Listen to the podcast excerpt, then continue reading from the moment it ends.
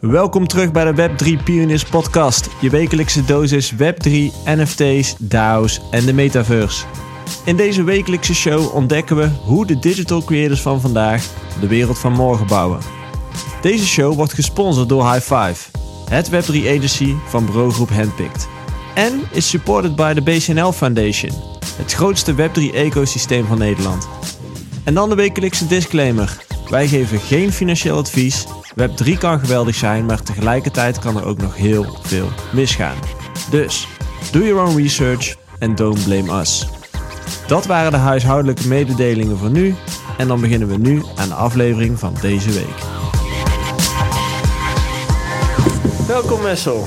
Ja, goedemiddag. Welkom bij uh, de Web3 Pioneers podcast. En uh, we hebben vandaag uh, Wessel van Mook te gast van Law Fox.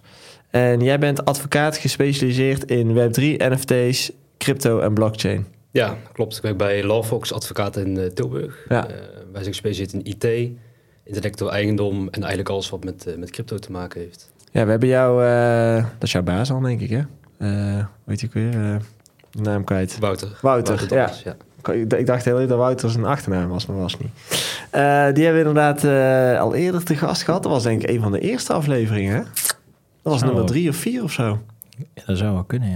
Ja, dat weet ik eigenlijk wel zeker. Dat is echt, uh, dat is al ruim een jaar geleden. Veel veranderd in die tijd. Destijds met hem hebben wij zijn ehm, zaak besproken waarin hij die NFT... Ehm, beslag had laten leggen. Beslag had laten leggen op die NFT.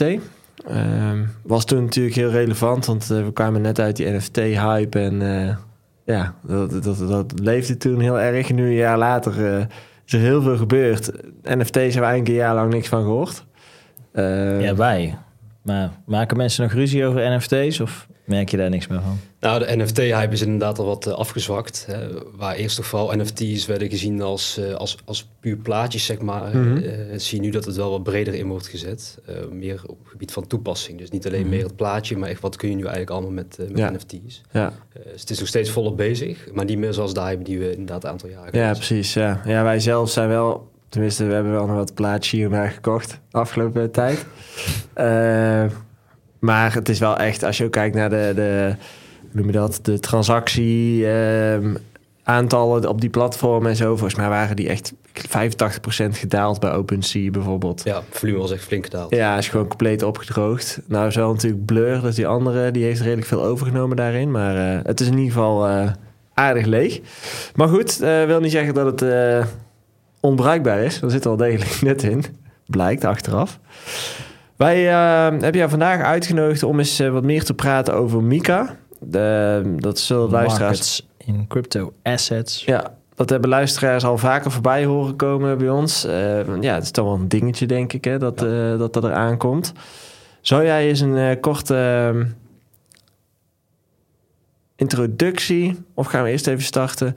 Nee, we gaan eerst even starten bij jou als persoon. Als in, hoe, ben je, hoe is jouw interesse ontstaan in Web3? Hoe is mijn interesse ontstaan in Web3? Um, ik ben al een hele lange tijd uh, bezig met, uh, met crypto zelf. Mm -hmm. Dat is echt het handelen in crypto. Um, nou, op een gegeven moment werd die interesse wat breder. Toen dacht ik van, hé, maar wat zit er nou eigenlijk achter al die crypto's? Hè? Want er zijn er zo ontzettend veel. Nou, toen ben ik me daarin gaan, uh, gaan verdiepen. Eigenlijk toen ik van school afkwam, toen heb ik een tijdje echt hele dagen verdiept in wat zit er nou achter? En hoe kan die techniek nou echt goed toegepast worden? Mm -hmm. Nou, en dat in combinatie met, uh, met het recht natuurlijk, dat is een hele leuke combinatie. Um, en zo ben ik eigenlijk steeds verder ingegaan, dieper ingegaan en ook ingebleven. En wat ik eigenlijk nu merk is dat ik er gewoon uh, ja, super enthousiast van word om erover te praten, maar ook om klanten ermee te kunnen helpen. Ja. Dus die combinatie is voor mij gewoon, gewoon, perfect. En is het iets wat je op school ook al deels hebt gehad, of is dit iets wat je echt op eigen energie hebt moeten oppakken? Ja, echt eigen energie. Dus um, ik heb wel laatst gehoord dat nu op de, bijvoorbeeld op de universiteiten, maar ook op de Hogeschool Utrecht, mm -hmm. uh, dat er echt actief, uh, proactief wordt uh, voorgeschreven. Dus hè, wat is blockchain nou eigenlijk, wat kunnen ermee? Ook een stukje rechtsbescherming tegen de overheid. Mm -hmm. Dat is op de Universiteit van Tilburg hoorde ik van, mm -hmm. het is leuk blockchain, maar wat zijn de nadelige kanten van blockchain? Hè? Kan het ook tegen ons gebruikt worden? Als overheid zijn. Ja, bijvoorbeeld. Hm. Um, dus het is ook goed dat er meer bewustwording komt van wat is het nou eigenlijk? Een blockchain is veel meer, of Web3, dan alleen maar die cryptomunten. Ja, ja, precies. Dat is leuk om te zien. Ja. En begint dat langzamerhand uh, beginnen mensen dat te snappen, dat idee dat het meer is dan alleen een, een uh, hoe noemen ze dat altijd? Casino?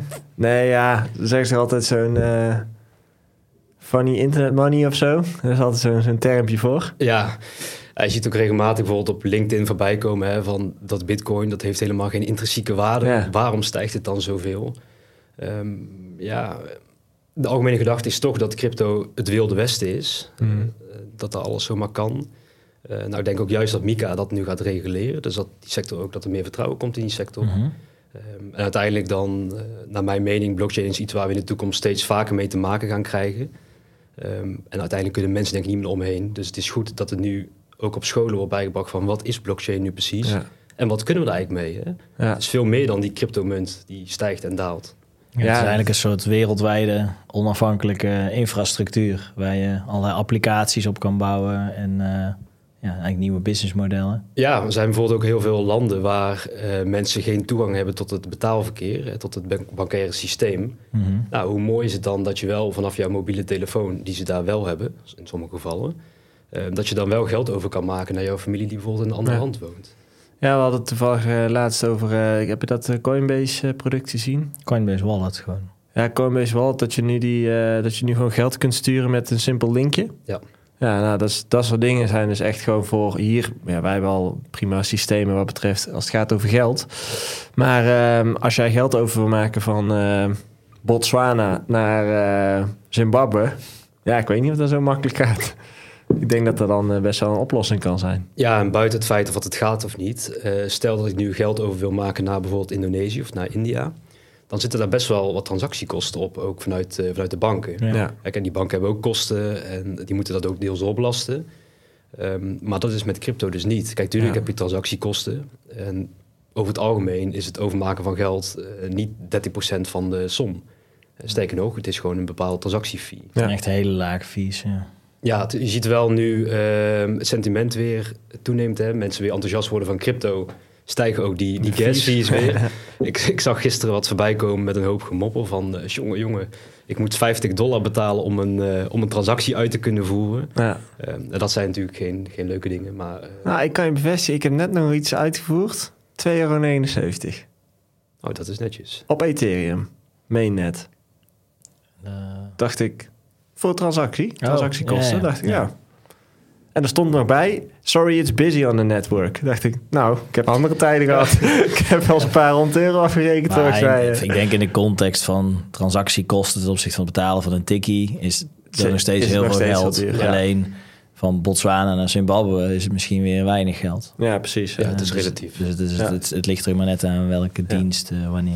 Maar, maar jij bent dus echt vanuit eigen passie ben je erin gedoken. Uh, en jij zag een combinatie met jouw opleiding van... hey, recht heeft hier wel degelijk uh, ook... wordt hier ook wel aangeraakt eigenlijk. En IP natuurlijk, hè. Dus... Um, en daar dacht jij van, daar ga ik... daar wil ik iets mee. Ja. En dan heb je niet veel keuze, denk ik, hè. Dan zijn er maar één of twee bureaus die dat doen. Ja, een aantal jaar geleden toen ik bij, uh, uiteindelijk bij Lawfox terecht kwam... Um, toen speelde het helemaal niet zo. Er waren niet, nog niet zoveel kantoren als nu uh, bezig met uh, het recht in combinatie met, met crypto. Mm -hmm. Er was wel wat uh, wetgeving, maar niet die voorstellen als die mm -hmm. nu liggen van, van Mika, zeg maar. Ja. Um, dus inderdaad, toen waren het een handjevol kantoren. Nu houden steeds meer kantoren zich daarmee bezig. Ook omdat ik denk, vanuit hun klanten komen ook die vragen hè, van... goed, we willen iets in blockchain opstarten, kunnen jullie ons daarbij helpen? Ja, op ja. een gegeven moment kunnen ook die kantoren niet meer omheen. Ja. Maar merk jij ook dat er, uh, zoals in alle industrieën, een enorm tekort is aan, uh, laat zeggen, Web3-advocaten? Uh, um, ja, ik, ik denk dat er wel een tekort is aan Web3-advocaten, uh, maar niet zozeer um, bekwame advocaten. Ik denk dat er ontzettend veel goede advocaten zijn. Maar wat ik bij mijn klanten merk, is dat ze het heel prettig vinden als zij uh, echt blockchain technische taal op me afhuren. Ja dat ik dat zelf kan vertalen, dat ze het niet hoeven uit te leggen. Ja, dus niet alleen de wet kunnen interpreteren, wat een advocaat doet. Ja. Maar ook echt zelf snappen hoe, hè, hoe het werkt. Ja, de context en de term, Ja, dat je mee kunt denken van, hè, ja. zo gaat het in de praktijk aan toe, dat weet ik. En misschien kunnen we het ook zo doen en dat dan terugkoppelen naar die, naar die klant. Ja. Um, ik denk dat op dat vlak nog veel te behalen is. Dat denk ik ook wel. Ja, maar dat, dat komt denk ik ook een stukje voort uit...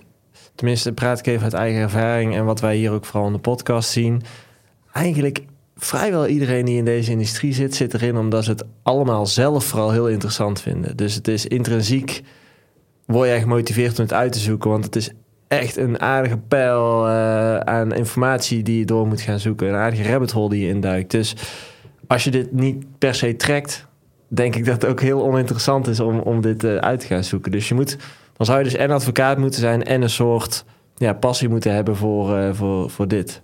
En die zullen er denk ik minder zijn misschien. Maar... Ja. ja, het is natuurlijk een luxe positie als je net als ik enorm gepassioneerd bent uh, van crypto en blockchain. En dat dat ook nog eens een keer je werk kan zijn. Ja, super toch? Ja, dat, dat is gewoon een, een ja. droom waar je elke dag in leeft natuurlijk. En dat is je eerste baan denk ik, of niet? Ja, dit is mijn eerste ja. echte baan, ja. Nou, dan Klopt. meteen... Uh, ja. Schot in de reus. Ja. ja, met mijn neus in de boter. ja, precies. Ja, Lekker. Uh, laten we teruggaan naar het Mika-verhaal waar ik uh, het begin over had. Uh, dat is die wetgeving hè, die uh, volgend jaar eraan komt. Ja, Mika is nu al deels in, in werking getreden. maar okay. echt de meeste bepalingen die gevolgen hebben voor bedrijven... die treden december volgend jaar in werking. En dat betekent okay. dus dat in beginsel dan aan die bepaling moet houden. Er zijn wat overgangsregelingen. bijvoorbeeld voor bedrijven die nu al wel een registratie van de Nederlandse bank hebben... Mm -hmm. Uh, maar over het algemeen, eind volgend jaar, dan, uh, dan gaan we van start. Hm. Ja. En kun je eens uitleggen wat Mika dan precies is? Als in, uh, ja, waarom is dit zo'n belangrijk? Waarom heeft iedereen het in deze industrie het hierover? Ja, ja Mika is eigenlijk in het leven geroepen door de EU voor een stukje consumentenbescherming. Dat is, dat is het uitgangspunt. nou, wat doet Mika en waarom wordt er zoveel over gesproken? Mika reguleert eigenlijk de hele cryptosector. Echt de hele sector? Bij de hele sector. Daar okay. komen we straks even, even op terug, denk ik. Hm. Um, wat Mika eigenlijk probeert, is om alles wat met crypto te maken heeft, maar ook de bedrijven die zich bezighouden met crypto, om dat te reguleren. Dus het is een verordening van de EU. Dus dat probeert eigenlijk in de hele EU dezelfde regels te creëren. Eh, in tegenstelling tot een, een richtlijn van de EU, mm. daar mogen nationaal landen nog van afwijken. Nou, bij zo'n verordening proberen ze één set regels voor te schrijven en daar moet je aan houden. Want een richtlijn is meer een suggestie eigenlijk. Zo van, hey, het is misschien slim als we dit met z'n allen gaan doen. Uh, en een verordening is, dan leggen ze het je eigenlijk op. Ja, een richtlijn, het is niet zo vrijblijvend dat het een suggestie is. Uh, er zijn wel minima, zeg maar. Mm-hmm. Maar landen kunnen daar toch, elke afzonderlijke land kan toch vrij in zijn... om op een bepaald moment, uh, op een bepaalde manier te implementeren. Daardoor kunnen dus ook verschillen ontstaan binnen de EU tussen die landen. Ja, ja, ja. Nou, dat wordt nu helemaal gelijk getrokken, zodat in principe het speelveld binnen de EU ook gelijk wordt. Dat zou betekenen dat in Nederland dezelfde regels gelden als in Frankrijk. Want is dit dan ook... Uh, je hoort bijvoorbeeld wel als bedrijven nu hè, en, en vorig jaar, dus toen Mika er nog niet was, dat uh, zij bijvoorbeeld uh, ze gingen vestigen, noem maar wat, in Malta. Ja. Zodat je toch binnen de Europese Unie valt, maar blijkbaar daar een soepeler beleid hebt dan dat je hier bijvoorbeeld bij de Nederlandse bank in Nederland zou krijgen. Is dat, is, is dat het verschil wat dan nu met Mika onder andere eruit gaat? Ja, de regels uh, zijn hetzelfde. Uh, wat ik wel heb gehoord is dat uh, voor de overgangsperiode, zeg maar, het schijnt dat in uh, Nederland de Nederlandse bank zegt van ja, als we van start gaan, dan gaan we ook echt van start. En het schijnt dat men bijvoorbeeld in Malta zegt van nou, we gaan van start, maar mensen die nu al een registratie hebben of rechtspersonen, um, ja, die hebben al een registratie, dus we gaan er wat soepeler mee om. Uh, dus, dus je kunt nog steeds een voordeel halen. Ja, uh, via terwijl het eigenlijk niet de bedoeling is van die verordening, uh, schijnt dat er toch nog een voordeeltje te behalen is. Hm. Ja. En dat is niet het idee. Dat is niet de bedoeling van, van die verordening. Nee. nee. Want wat is het uiteindelijke doel van Mika? Is dat dan het beschermen van die consumenten? Hè? Dat is denk ik het hoofddoel, ja. Ja. denk ik. Maar zit er nog andere doelen aan vast? Dus dat, dat eerlijke um, concurrentie, uh, zeg maar? Dus dat je allemaal hetzelfde mag? Of? Ja, in principe als je dus uh, ongelijkheid hebt binnen die landen van de EU, dan heb je dus ook andere regels waar bedrijven zich aan moeten houden. Mm. wat je nu bijvoorbeeld ziet, is die Nederlandse cryptobedrijven, ehm, die wel een registratie van DNB hebben, die moeten ontzettend veel kosten betalen voor dat toezicht van DNB. Nou, is laatst, laatst ook een rechtspraak, ja. rechtszaak over gestart. Um, volgens mij was dat de vereniging uh, Bitcoin-bedrijven in Nederland. Ja. En dat hebben ze gewonnen. Ja. ja. dat hebben ze gewonnen. De rechter heeft gezegd van ja, inderdaad, er worden te hoge toezichtskosten opgelegd. Um, maar ja, dat creëert natuurlijk wel een verschil met andere landen waar dat niet zo is. Want als jij in een ander land veel makkelijker die registratie kan krijgen, mm -hmm. of uh, veel lagere toezichtskosten betaalt, Ja. Dan creëer je daar eigenlijk wel een voordeel mee. Volgens mij zijn er ook voorbeelden van bedrijven in Nederland die gestopt zijn omdat dus de, de toezichtskosten of de vereisten voor toezicht te hoog zijn en dat daardoor het businessmodel niet rendabel is. Ja, of want- dat ondernemers gewoon geen zin in hebben om. eh, Ja, want in Nederland was het volgens mij het geval dat bijvoorbeeld een Binance en een Coinbase, eh, die waren hier niet geregistreerd, maar die kwamen hier wel markt halen. Ja. Dus mensen hadden een Binance-account die in Nederland woonden. Ja, die stortten de geld dus op Binance en niet op Bitfavo, bijvoorbeeld. En dat zou niet de bedoeling moeten zijn. Ja, wat je nu, dat is wel een goed punt met Binance. Binance heeft zich dus teruggetrokken, hè, want ze kregen geen registratie van de Nederlandse bank. Ja. Maar wat we, ze hebben bijvoorbeeld wel een registratie in Frankrijk. Wat we zo meteen waarschijnlijk gaan zien, is als Mika dus in werking treedt, dan kunnen zij die eh, registratie van Frankrijk, in de hele EU die gebruiken. kunnen ze daar Ja. eh, omzetten naar een eh, licentie voor Mika, of een vergunning voor Mika. Eh, maar met die vergunning van Frankrijk mogen ze dus in de gehele EU mogen ze opereren. Dus ook in Nederland. Dus, de- de- ik, Dus ik denk- Binance is gewoon terug over een jaar. Ja, ik kan het niet met zekerheid zeggen, maar ze hebben nu... eh, Zou kunnen. ja, precies. waarom zouden ze het niet doen? Ja, misschien een stukje focus of weet ik niet. Maar Ja. Ik zou er ook niet van staan te kijken, eerlijk gezegd, als het zo zou zijn. Het zou, redelijk logisch zijn, maar eh, goed, ik weet niet hoe dat eh, werkt. Ehm, wat zijn de gevolgen dan van zo'n Mika voor eh, bestaande cryptobedrijven? Dus ik noem maar, we laten even een Bitfavo pakken. Die is al, weet ik hoeveel jaar actief. Ja, die moet zich nu dus ineens gaan houden aan die regels. Doen ze denk ik al in heel veel vormen, maar wat voor gevolgen hangen daar aan vast? Nou, Bitfavo heeft dus een registratie eh, van de Nederlandse bank. Dus zij mogen deze diensten die ze nu aanbieden, mogen ze ook aanbieden. Ehm, ik neem aan dat ze al wel bezig zijn met het eh, proces om dus die eh, vergunning voor eh, Mika te krijgen. Of in elk geval dat ze die voorbereiding aan het treffen zijn. Nou, op het moment dat je al zo'n registratie hebt van de Nederlandse bank, dan is het eenvoudiger om zo'n vergunning te krijgen onder Mika dan wanneer je nog geen registratie hebt. Ja. Want het is best wel een, best wel een, ja, een flinke papierwinkel die, je die je daarop moet stellen. Amdax heeft hij ook, toch? DNB-registratie. ja. En Ja. eh, AFM ook. ja, precies. Ja, dat is dus echt best wel een flinke waslijst waar je aan moet voldoen. Wil je daar überhaupt doorheen komen? Ja. Ehm, maar is, is Mika dan... Of Mika, is dat dan nog meer papierwerk? Of... Nee, ik denk eh, ten opzichte van de registratieprocedure die nu bij DNB is, Ja. eh, dat het wel meevalt. Oké, dus dan zou het voor de bedrijven die het eigenlijk de afgelopen jaren... eh, legitiem hebben gedaan, zeg maar, zou het een redelijk makkelijke stap moeten zijn om eh, een Mika-aanvraag te kunnen doen. Ja, dat is wel mijn, eh, mijn gedachte. Waarom? Ehm, het is altijd de bedoeling geweest van de wetgever om ook in Nederland echt een, een registratieplicht te hebben. Mhm. Ehm, maar de wijze waarop de Nederlandse bank dat, dat uitvoert, is eigenlijk een verkapte vergunningsplicht. Dus dat gaat in mijn ogen, maar ook in de ogen van vele anderen, eh, veel verder dan die registratieplicht die eigenlijk bedoeld was. Hè. Je hebt bijvoorbeeld Ja. een toetsing van ehm, de kopmannen van die bedrijven. hè. Zijn ze wel bekwaam? Echt een bekwaamheidstoets. Hm. Ja, het is maar de vraag of dat de bedoeling is geweest van die, eh, van die registraties. Het gaat, het gaat veel verder. Ja. ja, want het heeft ook te maken met dat banken nu bijvoorbeeld eh, die KYC-achtige dingen en zo, dat het zo enorm veel werk is, Ja, dat dat makkelijker gemaakt moet worden of zo. Nou, dat KYC is wel een, eh, dat is wel een, een puntje. Want wat je nu ook ziet, Binance heeft zich teruggetrokken uit Nederland. Mhm. Eh, dus eh, mensen konden geloof ik overstappen naar Coinmeurs. Ehm Coinmeurs was het, dacht ik. Hè? Ik weet dat volgens mij hebben al die platformen overstap eh, dingen gedaan, want die waren natuurlijk overal klanten vandaan. Ja, maar Binance heeft actief zijn portefeuille eh, overgedragen. Ja, dat zou kunnen, ja, dat daar. Coinbase was. Ja. Ja. Wat ik nu dus in de praktijk heel vaak zie, is dat mensen bij me aankloppen van... ik heb ooit eens een keer geld eh, op Binance gezet. En vaak ook nog voor Binance via een ander platform wat al lang niet meer bestaat. Mhm. Nou, nu is dat geld van Binance naar Coinmeurs overgezet, of een ander platform. Maar nu wordt mij gevraagd van, goh, Ja, nu moet je je registreren om het eruit te halen. nou ja, waar komt dat geld vandaan? Ja. En eh, dan wordt er dus bijvoorbeeld gevraagd naar een volledig transactieoverzicht. Ja. Maar in sommige gevallen hebben mensen echt die, die overzichten gewoon niet meer. Bijvoorbeeld eh, ja, geen toegang meer tot accounts of accounts Ja. verwijderd. Of het hele platform bestaat niet meer. Ja. Eh, ja, eh, hoe gaan we dan aantonen waar dat geld vandaan is gekomen? En Ja. dat is best wel een lastig Hoe puntje. los je dat op dan? Als die, als die transactiegeschiedenis letterlijk weg is. Ja, je hebt de blockchain, dus je zou denken, die is altijd te herleiden. Ja. Op een Ehm, exchange heb je niet je eigen coins. nee, daarom. Dus die, dat eh, maakt het lastig. Ja. die zijn allemaal gepoeld. Ja. als het bijvoorbeeld bij zo'n exchange uit zo'n verzamelwallet komt, uit zo'n eh, eh, zo'n exchange wallet, ja, dan is het veel lastiger om die transactie te leiden natuurlijk, omdat het gewoon van jouw Metamask Ja. afkomt.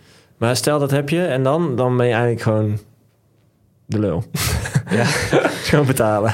Oh, het is wel een hele lastige situatie, want eh, er wordt dus gevraagd naar de herkomst van het geld. Eh, Mhm. dat, die verplichting eh, die hebben ze dan.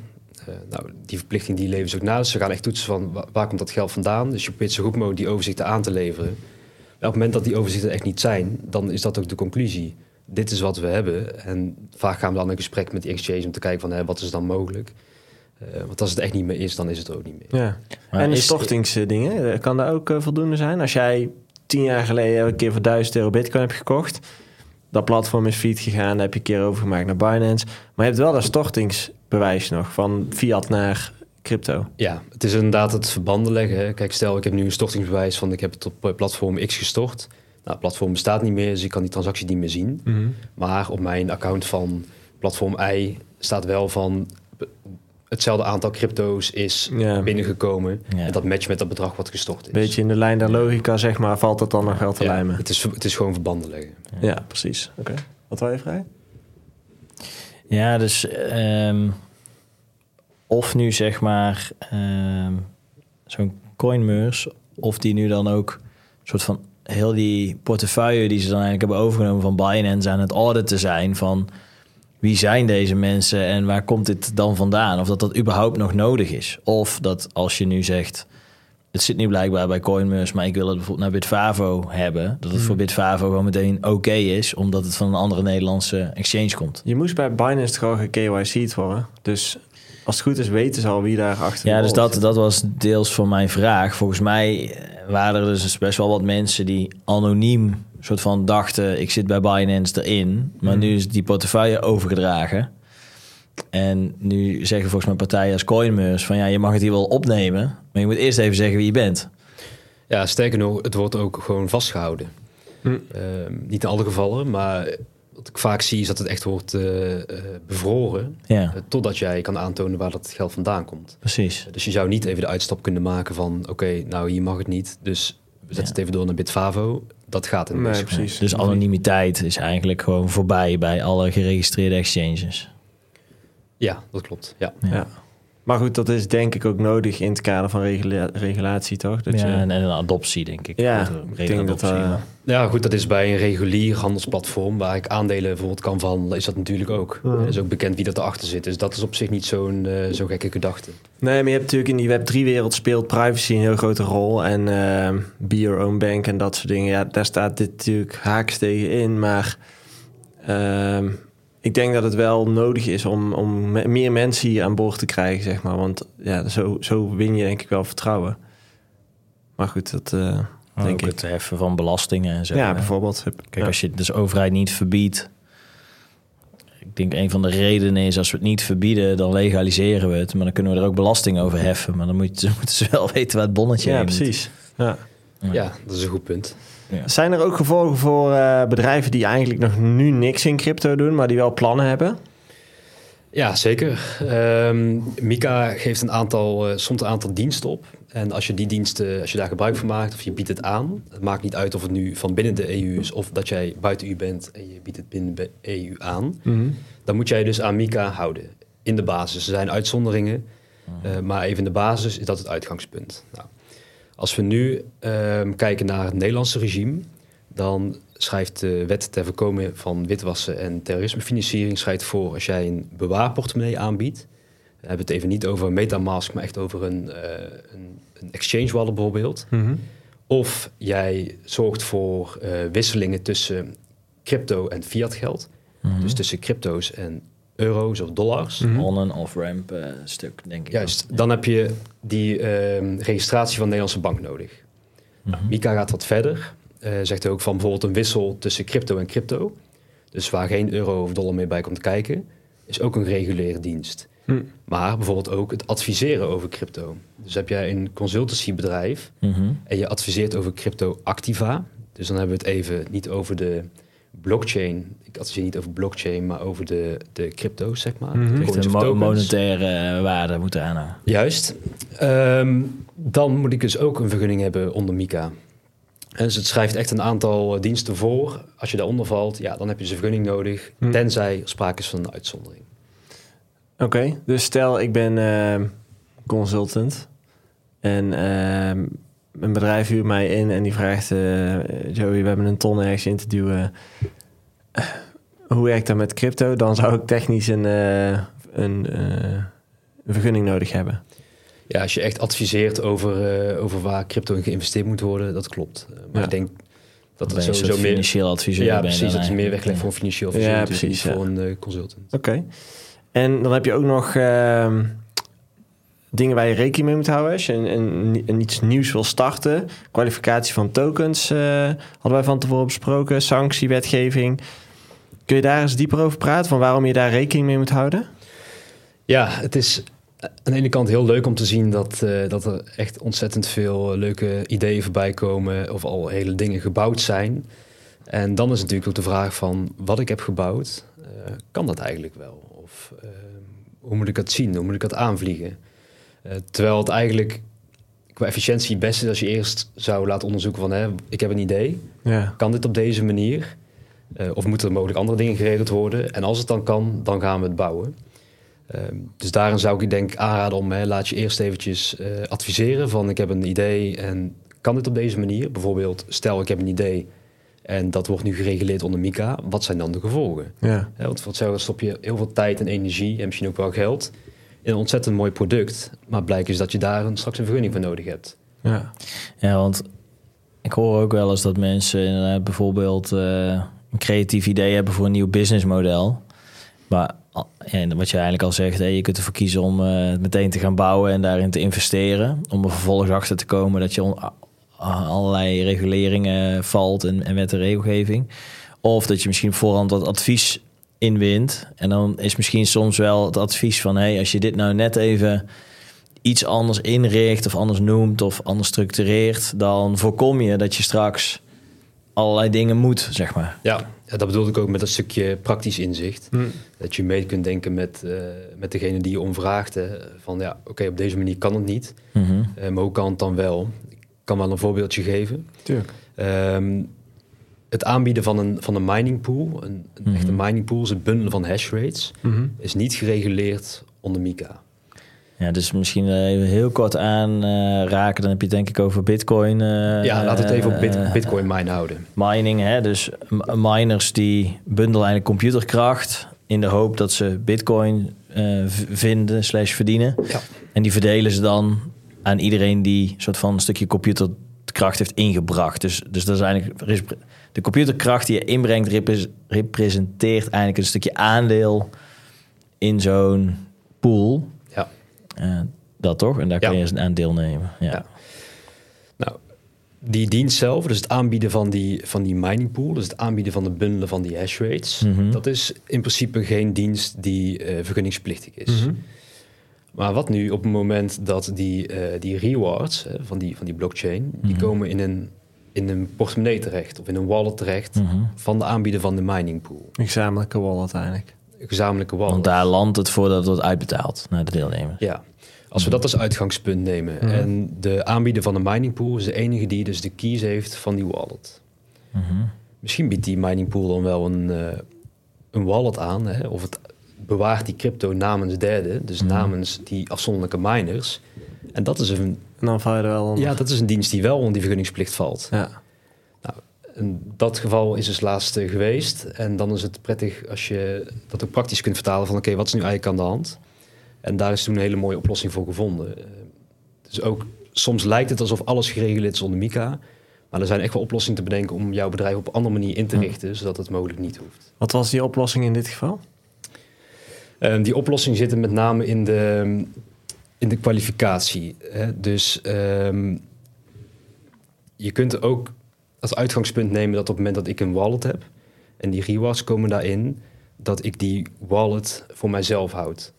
Dus ik hou die wallet en die, die coins die daarin zitten, of die, die bitcoin die daarin zit, die houd ik voor mijzelf. Mhm. Ehm, nou, op het moment dat ik die dus voor mezelf hou, dan word ik ook geacht eh, bezitter van die coins te zijn. Ehm, en op die manier zou je dus omheen kunnen werken dat jij die crypto voor iemand anders houdt. Het is even waar het in de basis op neerkomt. Het is veel gecompliceerder. Maar ja, maar of je dus eigenlijk een soort custody dienstverlening.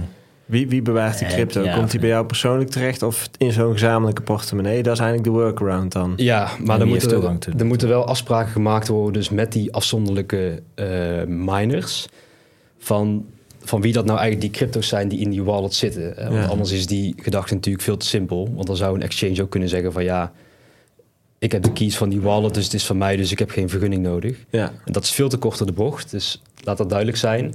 Eh, maar er is dus wel een oplossing voor. Maar daarvoor moeten dus die, die mining pool gaat in gesprek met de afzonderlijke miners en maakt ook een afspraak over. Ja.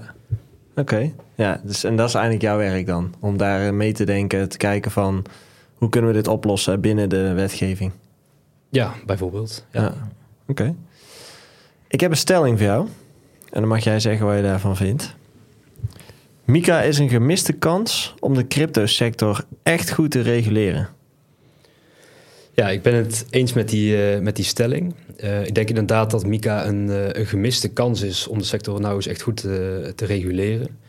Waarom? Eh, wat je ziet is, wetgeving loopt eigenlijk standaard een aantal jaar achter op de technologie. Mhm. Nou goed, dus nu is Mika, wat is er in Mika bepaald? We gaan in 2027 gaan we kijken van eh, DeFi, gedecentraliseerde finance. Hoe gaan we dat aanpakken? Hè, wat zijn de gevolgen daarvan geweest in de tussentijd? Want het stukje DeFi, of echt gedecentraliseerd, Mhm. valt buiten de scope van Mika. Oké, dus het zit er gewoon niet in.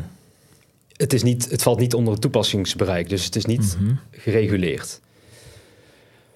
Ehm, wat nu als ik een ehm, gedecentraliseerd protocol aanbied? Want dan moet iemand moet daar de beslissing over hebben wat ermee gebeurt. Bijvoorbeeld, eh, er moeten veranderingen aangebracht worden. Eh, of er moeten eh, updates doorgevoerd worden. Nou, op het moment dat daar dus een, een bedrijf boven zit, dus bijvoorbeeld gaan we even uit van een BV, dan zegt Mika, ja, dat is dus een tussenpersoon die de invloed heeft op dat protocol. Mhm. Ehm, en dat is dus niet gedecentraliseerd. Ja, omdat hun, hun beslissen eigenlijk. Hè? Dus een, Ja. dan heb je alsnog een soort CEO. Ja, Dus, maar dus er is een, een traditionele governance structuur. ja. Nou goed, binnen de crypto sector is natuurlijk wel de traditionele gedachte, een DAO Mhm. is zuiver gedecentraliseerd. Dat klopt, hè? Mhm. Nou, zuiver gedecentraliseerd. Maar je voelt hem denk ik al aankomen. Wat nu als er in diezelfde DAO, als daar nu gewoon dezelfde aandeelhouders in zitten als in die BV, en die BV heeft niets met het protocol te maken, maar die DAO bestuurt, bestuurt dus dat protocol, of bijvoorbeeld die, die eh, gedecentraliseerde exchange, en die Mhm. neemt de beslissingen. Is het dan nog gedecentraliseerd? Ja of nee? En valt het dus binnen of buiten het toepassingsbereik van Mika? Ik denk dat je die verbanden wel eh, aannemelijk kan maken. Dus dan kan je denk ik ook wel onderbouwen dat het niet zo is. Ja, ik vraag me dus echt sterk Ja. af, want wat is dan gedecentraliseerd? Kijk, Mika zegt zonder tussenpersoon. Nou, wat is die tussenpersoon dan? Is dat Ja. ook een DAO, wat eigenlijk het karak- Ja, ja. karakter heeft van gedecentraliseerd? Ja. Dus is het dan ook, is het in jouw optiek dan ook dat Europa nu graag, noem het even snel, met een halve wet wilde komen? Dat in ieder geval duidelijk was dat ze het niet gingen verbieden, dat het werd gereguleerd, dat ze een soort van eerste stappen hebben gezet in het creëren van een eh, level playing field voor alle partijen. En dat je daarmee als Europa ook je concurrentiepositie versterkt naar bijvoorbeeld Azië of Amerika, die daar nog een beetje mee worstelen. Amerika is niet eens mee Of, bezig, toch? of, of jawel, ook wel. Ehm, Ik dacht dat die vooral bezig waren met eh, iedereen eh, de grond in trappen. Ja, er is daar volgens mij nog heel veel onduidelijk, maar ze zijn daar wel. Er wordt wel gewerkt ook ja, wel maar er ligt naar, nog naar geen plan, toch? Net zoals dat hier Mika al ligt. Daar, daar ligt daar nog niet. Ja, ik, ik weet het. Ja, dat ik, ja. Daarom dat? zitten wij te debatteren. Ja. We hebben een mooie gast. Is, zijn we jij daar? Amerika aan doen? Of dat Nee, die- ik ben niet op de hoogte van, ehm, van hoe daar in Amerika nu mee omgegaan wordt. Ja, voor zover ik weet het niet, hoor. Ik, ik weet, tenminste daar baseer ik me op. Dus niet zozeer over een wetsvoorstel ligt, laat ik het zo noemen. Ah, ja. Dat niet. Maar eh, volgens mij een jaar of twee jaar geleden heeft Biden heeft wel toen via zo'n presidential Ja. order opdracht gegeven aan alle ministeries om met aanbevelingen te komen. Ja. Dat is volgens mij een soort van eerste stap naar wet en regelgeving. Er waren wat crypto bills eh, destijds Ja. uitgegeven. Maar mijn, mijn, Ja. mijn punt is meer van. eh, in, in, eh, aan- aansluitend op de stelling die Joey geeft van. Kijk, je kunt natuurlijk zeggen als Europa van we gaan meer tijd nemen om die wetgeving te maken en daar ook DeFi en NFT's en DAO's en alles in te trekken. Maar dat maakt het eigenlijk nog complexer. En hoe langer je wacht, hoe meer onduidelijkheid er is in de markt. En, hoe, en eh, je ook kansen hebt dat Azië of Amerika wel met die regels komt. Dus volgens mij is het ook een beetje een soort stepping eh, stone om ergens te beginnen. Ja. Nou, wat ik wel denk is dat het probleem vooral is dat men niet weet hoe ze dit eh, aan moeten vliegen. Mhm. Maar wat ik verwacht, en Mhm. ik zeg niet dat het ook gaat gebeuren, wat ik verwacht is dat er gewoon workarounds gecreëerd gaan worden. Eh, om maar te kijken hoe kunnen we dan buiten toepassingsbereik van Mika blijven. Ja. Ehm, zo. en, Maar is, is dat niet altijd een beetje het ding met regulering? En dus met belasting bijvoorbeeld ook, weet je wel. Dan gaan mensen altijd het grijs gebied opzoeken van... Oh, wacht eens, als we het dan zo en zo doen, dan, dan krijg je het er wel tussendoor gefietst. Is dat een beetje een kat-muisspel, heb ik het idee altijd. Van, je hebt wetgeving en je hebt praktijk. En daartussen zit een soort grijs gebied waar die mensen nogal graag opzoeken. Ja, het is inderdaad een kat-en-muisspel, zo kun je het wel zeggen, denk ik. Ehm, maar wat ook had gekund, is dat er wel iets werd gezegd over gedecentraliseerde Mhm. protocollen of DeFi. Dat is nu er helemaal niks. Dus nee, dat is, valt nu echt buiten de scope. Tenzij er dus een, een tussenpersoon bij zit, bijvoorbeeld echt een BV die dan een, eh, Ah, een ja. DEX eh, Ja, ja. bestuurt. En dan valt het er wel binnen, Hm. is de aanname. Kijk, hoe het in de praktijk allemaal uit gaat wijzen, dat moeten we nog, eh, dat moeten we nog zien. Ja. Ehm, het zit hem vooral in de handhaving. Hè? Want Mika is natuurlijk een, een... Op het moment dat het niet gehandhaafd wordt, is het een papieren tijger. Ja. Dan is er heel veel over geschreven. Maar er moet, Mhm. als er niet actief op gehandhaafd gaat worden... Van, of op mensen die bepaling gaan naleven... dan is het gewoon een papieren tijger. Is dat haalbaar, denk je? Denk je dat eh, de overheid dan... dat die me- genoeg mensen in dienst hebben die dit snappen? Ja, wat ik wel, ehm, wat ik wel merk is dat... ehm, bij de overheid, maar ook dus bij banken... dat er nu mensen achter de scherm zitten die echt wel verstand hebben van, eh, van crypto en van blockchain. Ehm, dat is goed en dat werkt ook prettig. Mhm. Dan heb je dus ook iemand tegenover je waar je gewoon mee kan praten, die ook weet waar het over gaat. Ja. Ja, dan hoef je niet te zeggen, ga eerst maar even 100 afleveringen Web3 Pioniers podcast Ja. luisteren en dan eh, terug. praten we verder. Ja. Nou goed, dat kan nooit kwaad. Nou, ik heb nog wel een, eh, nog wel een, een vraagje. Ehm, en dat is eigenlijk meer omgekeerd. Want net bespraken we over hè, dat er best wel fundamentele bouwstenen die belangrijk zijn voor het Web3-ecosysteem, dat die eigenlijk helemaal nog niet benoemd zijn in Mika. De andere kant is, en dat is iets wat ik wel ehm, vaker hoor terugkomen. Ik was bijvoorbeeld eh, een tijd terug in, ehm, in Singapore bij Token 2049. Eh, een grote conferentie. En ehm, een van de dingen die me daar opviel was... er werd gesproken over het idee van een nieuw product... van een rentedragende stablecoin. Dus hè, stablecoins zijn één op één gekoppeld aan eh, de fiatwaarde die ze ondersteunen. Dus we hebben crypto-dollars.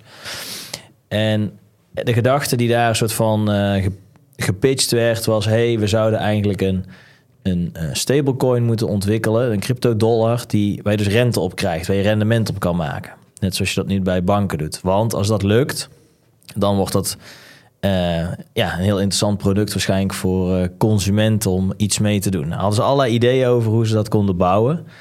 Dus ik was daar best enthousiast over. Toen kwam ik terug in Nederland. Volgens mij het eerste wat ik hoorde van Bert Slachter was dat Mika rentedragende stablecoins verbiedt. Toen dacht ik, eh, dat is misschien vraag 1. Dat, klopt toch, of niet? ja. Nou, die stablecoins op zich, die worden al eh, aan banden gelegd. Ja. Hebt natuurlijk allerlei verschillende stablecoins. eh, maar die worden inderdaad ook onder MiCA eh, stevig gereguleerd. En nog, sterk, nog steviger gereguleerd dan eh, bijvoorbeeld eh, eh, utility tokens. Ja, dus, dus toen dacht ik, nou, is slim van de overheid. We hadden dus toch wel door, als we dit niet meteen eh, even helemaal dicht timmeren, dan eh, hebben we misschien straks zelf een probleem met euro's of dollars of whatever. Ehm, maar stel nou dat eh, straks blijkt dat er toch wel nut is voor zo'n product. Of dat een jurisdictie als Azië wel de optie biedt voor zo'n product.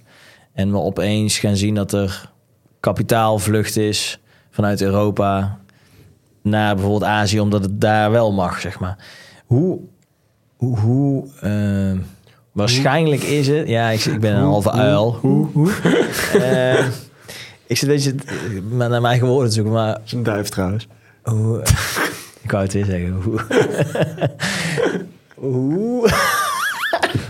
Dit is echt verschrikkelijk. Ja, nou blijft hij erin. Ehm, Ik ga echt het woord voor mij. het woord voor mij.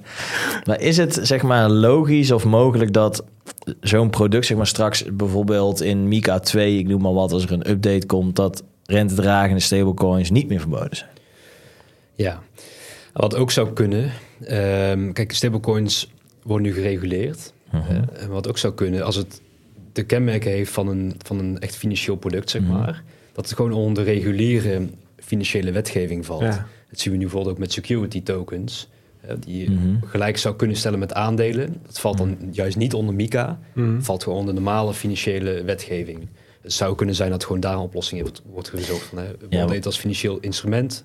Ja, ja, precies. Normale financiële. Want goede wetgeving is eigenlijk technologie agnostisch, of hoe noemen ze dat? Hè?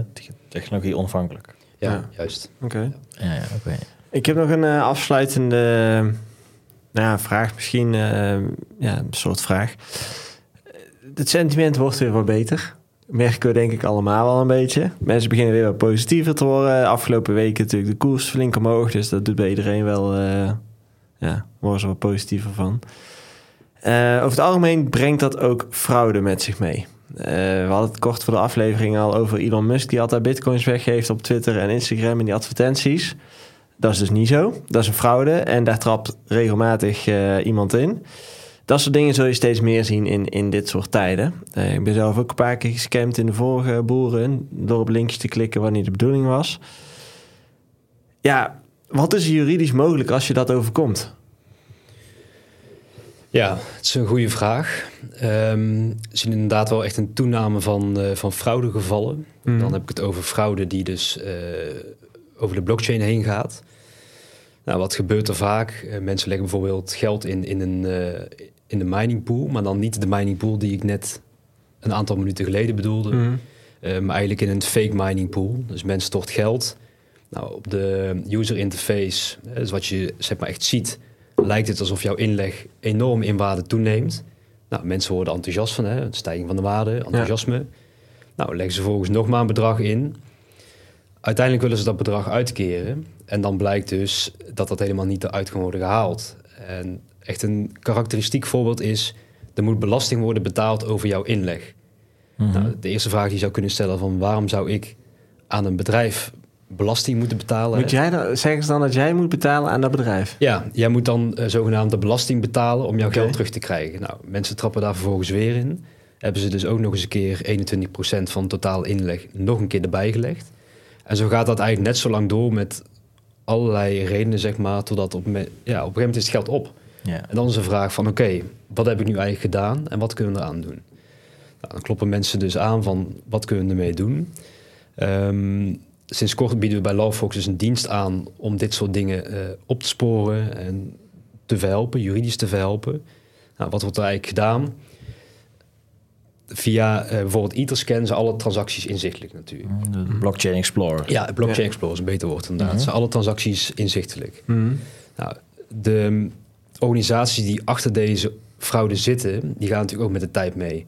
Er wordt gebruik gemaakt van bridges. Het gaat van mixers, bridges, eh, er wordt door exchanges heen gehaald. Alles wordt eraan gedaan om het steeds moeilijker te maken om te traceren van waar komt dat geld nou terecht. Eigenlijk een soort van de sporen proberen te wissen. Ja, precies. Ehm, nou goed, wij werken daarvoor samen met een, uh, met een onderzoeksbureau mhm. die uh, exact vast kunnen stellen, in de meeste gevallen, niet in alle gevallen helaas, um, waar dat geld nu terecht is gekomen. Mm En op het moment dat vaststaat waar dat, dat geld terecht is gekomen, of dat het bijvoorbeeld al weg is, maar dat dat account nog wel te goed deed op bijvoorbeeld een bepaald exchange. En dan kunnen wij actie ondernemen.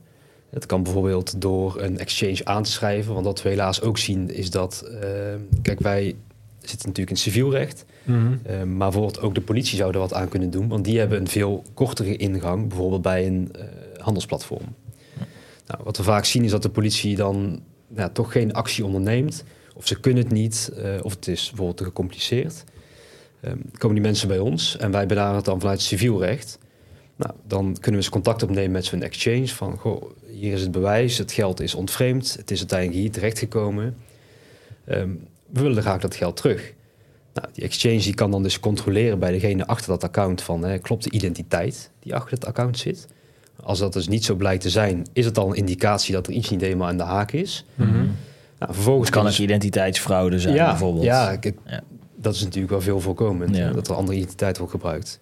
Kunnen ze dat account dus bevriezen? Of ze kunnen het te goede kunnen ze bevriezen? Nou, dan staat het vast. Wat wij dan vervolgens kunnen doen, is eh, we kunnen een procedure opstarten tegen diegene die, waar het account van is. Of we kunnen eh, beslag laten leggen op die crypto. En vervolgens een procedure starten om die crypto's terug te krijgen. Mhm. Ehm, dus voor de slachtoffers die denken dat er helemaal niets meer mogelijk is, dat er geen uitweg mogelijk is, ja, die is het dus wel.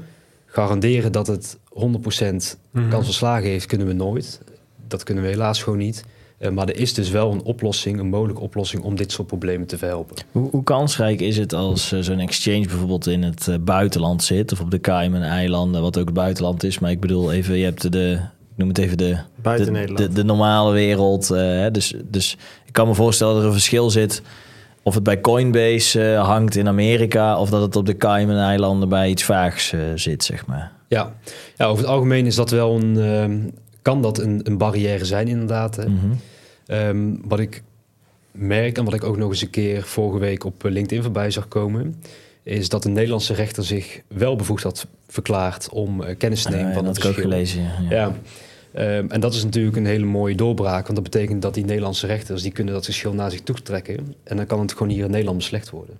Hoe werkt dat dan? Als je, eh, ik, ik weet niet precies hoe dat werkt dan. Je zit met allerlei ehm, bevoegdheidsregels. Bijvoorbeeld op een overeenkomst tussen jou en Hans platform kan bijvoorbeeld een bepaald recht van toepassing zijn. Mhm. Eh, die wordt je over het- als consument over het algemeen wel beschermd. Maar goed, een ander recht kan van toepassing zijn. Maar ook een andere rechter kan bevoegd zijn. Dus laten we bijvoorbeeld zeggen dat het recht van de staat van Florida van toepassing is. Eh, en dat een Amerikaanse rechter bij uitsluiting bevoegd is. Mhm. Ehm, dan zou het zo kunnen zijn dat een Nederlandse rechter zegt van ja, ik heb helemaal geen rechtsmacht om naar dit geschil te kijken. Mhm. Eh, Dus we zijn klaar voor vandaag, want ik kan hier niets mee. Nou, dat is in het verleden wel voorgekomen. Eh, maar wat we nu dus zien, en wat we vorige week ook zagen, ehm, is dat die Nederlandse rechter zegt van ja, ik zie toch aanleiding op grond van ehm, ehm, regel- wetgeving om dat geschil naar mij toe te trekken. Ik heb wel rechtsmacht, dus we gaan het vandaag eh, hier behandelen. Hm. En dan kan hij dat dus naar zich toe trekken. Ja, Ja, volgens mij was ook een verschil, als we het in ieder geval over dezelfde zaak hebben, en dat eh, de rechter in dit geval ook een eh, dwangsom of boete, hoe je het ook noemt, had eh, op, op, eh, onder dwang van een, van een boete aan die exchange. Dus normaal ligt dan zeg maar een soort van de medewerking bij de partij, maar dat die rechter nu dat ook echt op de exchange had geplaatst. Dus Dat dan, maar dan krijg je dus eigenlijk als partij die een claim neerlegt namens eh, jullie bijvoorbeeld, eh, kun je het dus of bij de criminelen halen of bij de exchange. Dus je hebt opeens een soort van twee opties. Ja, die dwangsommen worden natuurlijk opgelegd om zo'n vonniskracht bij te zetten. Als ik nu stel een rechter wijst vonnis en er staan dingen in waar een exchange aan moet voldoen bijvoorbeeld. Mhm. En er staat geen dwangsom op en ze doen het niet, dan is het de kans veel groter dat de exchange dat niet na gaat komen. Eh, op het moment dat er dus dwangsommen op worden gezet en ze voldoen daar niet aan, dan kan het bijvoorbeeld zijn dat ze elke dag dat ze niet aan dat vonnis voldoen, een x-bedrag eh, Ja. eh, ja, eigenlijk schuldig worden aan Ja. degene die dat heeft geëist of heeft gevorderd.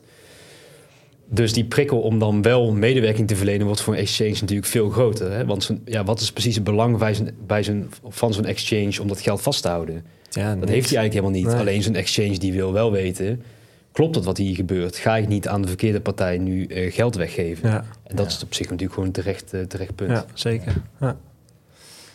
ja. We zijn aan het einde, Mike. Ja, ik had een, hele, vraag? ik had een, een mega korte vraag van, eh, hebben jullie, hè, want het is volgens mij een nieuwe dienst eh, die jullie eh, aanbieden. Heb je al een track record of ervaring of met iets of, Ja. of hopen, verwachtingen? Ja, we hebben inmiddels een hele hoop aanvragen gehad. Ehm, we hebben ook allerlei Zijn dat dan tientallen? Of, eh, wat, wat, Ja, het zijn, het zijn tientallen aanvragen, maar ook al Ja. voordat we deze dienst lanceerden, waren er nog veel meer. Dat is ook de aanleiding dat we dit zijn gaan doen overigens hoor. Want Hm. eh, altijd nee moeten verkopen is eh, Ja. verschrikkelijk. Ja, je zei, je zei net ook in het voorgesprek van we zouden bij spreken de hele week bezig kunnen zijn met het behandelen van fraudegevallen. En het Ja. wordt waarschijnlijk alleen maar meer. Ja, het wordt helaas alleen maar meer, verwacht ik. Eh, maar als we steeds nee moeten verkopen, dat ja, word je zelf ook niet zo gelukkig van. Dus toen dachten we van, nou, hoe kunnen we dit eens oplossen? Toen hebben we deze dienst gelanceerd. Eh, inmiddels al heel veel aanvragen gehad en die mensen ook een voorstel gestuurd. Ehm, ook een aantal cases gehad en dat toevallig met succes. Hm. Eh, maar wat ik zei, het is geen garantie dat het in alle gevallen slaagt. Dat is Ja. wel echt een kanttekening die ik erbij wil plaatsen. Ja, want wat je ook zegt, die criminelen worden steeds slimmer. Die mixers, die zijn er. Die blijven er waarschijnlijk ook, want die poppen elke keer weer opnieuw op ergens. Ja, dus het wordt op een gegeven moment zo moeilijk, denk ik, om dat geld te traceren. Ja. Ja, Ja. of het is wel te traceren, maar ehm, tot een bepaald punt en het is omgewisseld naar fiat geld en het is weg. Dat kan natuurlijk. Ja, precies, dat uit het systeem gaat. Ja. Of ja, in het reguliere systeem. Ja. Oké, dankjewel. Leuk, eh, leuk dat je langs wilde komen eh, om je verhaal te delen. Tijd is weer gevlogen. Tijd is weer gevlogen, ja. Ja, leuk 50 dat, ik, minuten eh, alweer. leuk dat ik even langs mocht komen. Ja, Ja. fijn dat we meer te weten Ja. zijn gekomen over Mika. En eh, wel echt leuk om, eh, eh, december zei je, volgend jaar dat het in werking treedt. Ja, Om, om rond die periode ergens weer een keer af te spreken. Om te kijken van, eh, zijn er misschien nog dingen aangepast, ja of nee? Ja we dat, het vooral doen. Ja, ik leuk. weet niet of dat Leuk. kan. Maar eh, dank in ieder geval en eh, succes met de nieuwe dienstverlening. Ja, super, dankjewel. Gotjes.